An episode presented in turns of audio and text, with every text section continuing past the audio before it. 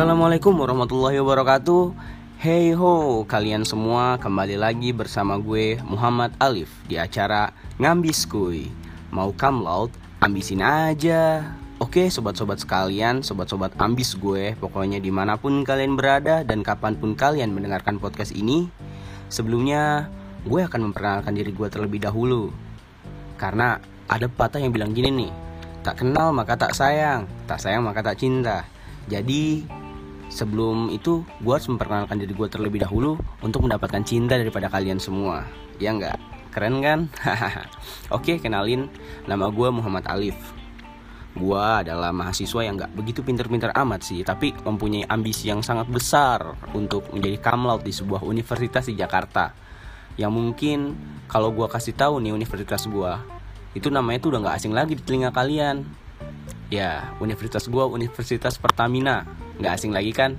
Pasti kok. Universitas gue mah terkenal banget.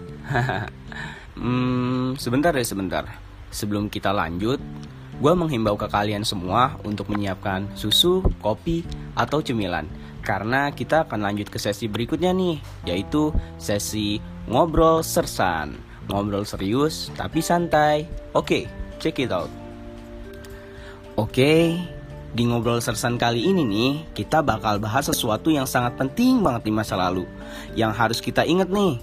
Tapi bukan mantan, karena ini lebih penting daripada mantan Yaitu sejarah peradaban dunia kuno. Sebelum kita bahas lebih lanjut Gue mau nanya nih ke kalian. Apa yang terlintas di pikiran kalian nih setelah mendengar kata sejarah peradaban dunia kuno? Uh, mungkin kalian ada yang berpikir tentang dinosaurus Atau mungkin manusia purba tapi bukan itu yang kita bahas. Yang kita bahas itu sejarah peradaban dunia kuno yang disebut juga sebagai periode sejarah manusia di mana uh, pada pada masa itu disebut masa ancient atau klasik. Dalam pelajaran peradaban dunia kuno ada tiga peradaban besar nih di dunia ini. Yang pertama tuh ada Yunani, Yunani kuno, Cina kuno, dan peradaban Islam. Sebelum kita masuk ke pembahasan pertama nih, yaitu peradaban Yunani kuno, pasti kalian semua kayaknya pernah berpikir deh kalau misalkan peradaban Yunani kuno itu kayak yang diceritain di game Good of War itu, ya nggak sih? gue juga kayak gitu kok, sempat kepikiran kayak gitu, tapi uh, yang aslinya tuh lebih seru untuk dibahas. Oke, kita langsung masuk aja ya ke pembahasannya. Nah, yang pertama kita bahas dulu nih teman-teman tentang Yunani kuno. Jadi, Yunani kuno itu berasal dari kata Lonia yaitu nama sebuah tempat di paling timur wilayah bangsa-bangsa Yunani yang bertetanggaan dengan bangsa Arab, Turki, dan Persia. Jadi gini nih sobat-sobat ambisku, peradaban Yunani kuno tuh juga disebut sebagai nenek moyang peradaban bangsa-bangsa Eropa dan bapak demokrasi. Kenapa? Karena Yunani kuno itu banyak berkontribusinya pada perkembangan bangsa-bangsa di Eropa, kayak misalnya dasar-dasar ilmu pengetahuan, filsafat, pemerintahan, sampai-sampai menjadi kiblat oleh bangsa Eropa untuk sains dan teknologi. Nah, nih ya, di zaman Yunani kuno tuh, negara tuh berbentuk negara kota kayak negara misalkan di Indonesia nih kota Jakarta sebagai negara Jakarta, ada Jawa Tengah sebagai negara Jawa Tengah dan begitu pula Jawa Barat. Tapi kalau di Yunani kuno tuh namanya ada negara Athena, Rhodes, Amfipolis, dan lain-lain. Jadi nih ya, di Yunani kuno tuh negara-negara itu berotonomi yang berdaulat. Jadi nggak ada uh, Yunani ini tuh mengatur negara-negara kota ini. Dan musuh besar Yunani itu adalah negara Persia. Itu musuh dari negara-negara Yunani. Nah, tapi lucunya gini loh, sobat ambis.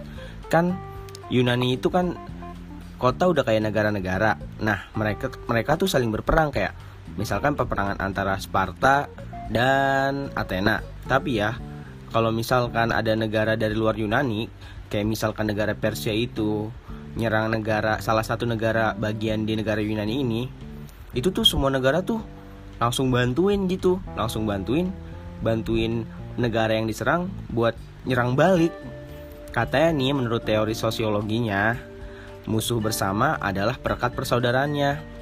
kalau di Indonesia sih contohnya kayak supporter antara supporter Viking dan The Jack itu emang saat di Liga Indonesia mereka kayak musuh besar banget tapi saat ngedukung timnas mereka tuh sama sama-sama gitu mendukung Indonesia dan uh, melawan musuh-musuh kayak Thailand, Malaysia dan lain-lain.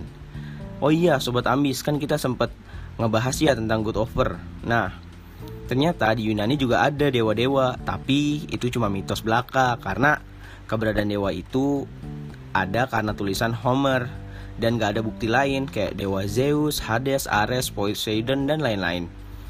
Waktu Yunani kuno runtuh itu, jadi cerita dewa-dewa itu diadopsi sama Romawi dan diubah nama-nama dewanya kayak seperti yang tadinya Zeus diubah jadi Jupiter, Poseidon diubah jadi Neptune, Hades diubah jadi Pluto dan lain-lain. Nah, itu adalah nama-nama dewa dalam mitos mitologi Yunani yang belum tahu kepastiannya ini tuh bener atau enggak karena emang uh, sejarahnya hanya ditulis oleh Homer nih nggak ada bukti lain kalau bahwa zaman Yunani kuno tuh ada dewa-dewa sobat-sobat ambis jadi di masa Yunani kuno tuh juga ada perang perang antara dua negara kota dua negara kota yaitu kota negara kota Sparta dan negara kota Athena Perangnya itu dinamain Peloponnesian. Hmm, dari peristiwa itu tuh banyak nih tulisan anak-anak HI nih pokoknya yang terinspirasi dari peristiwa ini nih. Perang ini tuh terjadi pada tahun 431 sampai 404 sebelum Masehi. Nah, Athena tuh ceritanya tuh negara yang paling the best dah pokoknya di lautan.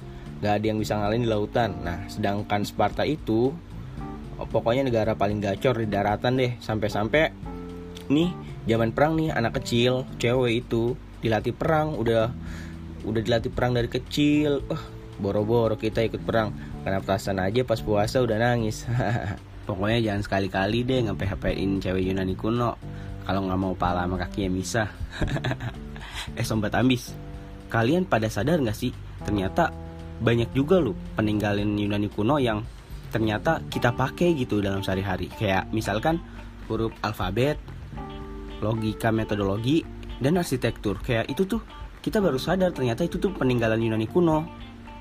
Nah tapi dari masa kejayaan itu ternyata Yunani kuno akhirnya runtuh juga dikarenakan ego dari masing-masing negara kota terus banyaknya negara-negara dari luar Yunani kuno tuh yang menyerang Yunani. Dan ini sih yang parah sih. Yang perta yang paling parah tuh ada pemimpin yang zolim dan adanya korupsi. Seh ternyata emang dari dulu orang yang kuno aja bisa korupsi Apalagi sekarang yang modern ya. Semoga kita terhindar deh dari korupsi Atau dari hal suatu hal yang bisa merusak bangsa kita sendiri. Ya mungkin cukup sekian ya Sobat Ambis yang kita bahas di podcast kali ini tentang Yunani kuno. Mungkin podcast-podcast selanjutnya akan membahas lagi tentang peradaban dunia kuno. Pepatah bilang, Ungzur mangkola walatang zur mangkola. Jangan lihat siapa yang mengatakan, tapi lihat apa yang dikatakan. Jika ada salah, itu dari saya dan yang benar hanya dari Allah. Oke, sobat ambis, gue Muhammad Alif. Mohon undur diri. Wassalamualaikum warahmatullahi wabarakatuh.